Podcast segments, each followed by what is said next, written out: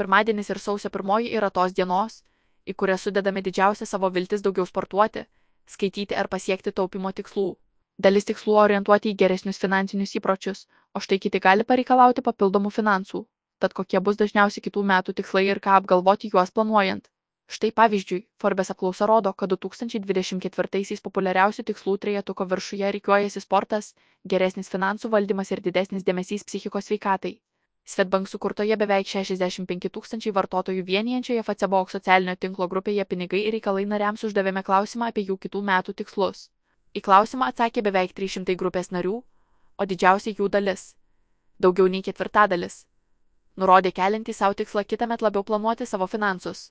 Kiek mažiau - 17 procentų - teigia planuojantys veikiau maitintis, 15 procentų davė pažadą savo skaityti daugiau knygų, 11 procentų nurodė ketinantys pradėti sportuoti, norintiems susireguliuoti finansus. Pastarieji keliari metai negailėjo iššūkių bei nerimo dėl finansų, tad natūralu, kad keliame savo tikslą pagerinti finansinę elgseną ir situaciją, kad ir koks būtų mūsų tikslas - efektyvesnis finansų valdymas, taupimas konkrečiam pirkiniui ar investavimas, pradėti reikėtų nuo biudžeto sudarimo.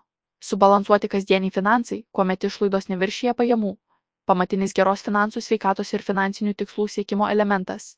Taip pat reikėtų pagalvoti ir apie 3-6 mėnesis pajamų dydžio finansinį rezervą, kuris pagelbėtų netikėtai išaugus išlaidoms ar sumažėjus pajamoms bei padėtų didinti finansinį atsparumą.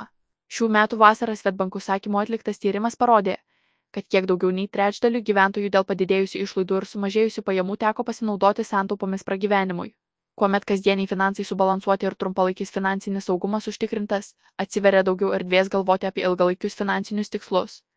Finansiškai užtikrinta senatvė taupymą brangesniam daiktui, laisvų lėšų įdarbinimą investuojant. Galiausiai, išsikėlus tikslą sukaupti finansinį rezervą ar taupimo sumą kitoms reikmėms, svarbu, kad tikslas būtų realistiškas, pamatuojamas ir įgyvendinamas. Priešingų atveju galime prarasti motivaciją siekti savo numatyto tikslo, norintiems finansų neišbalansuoti.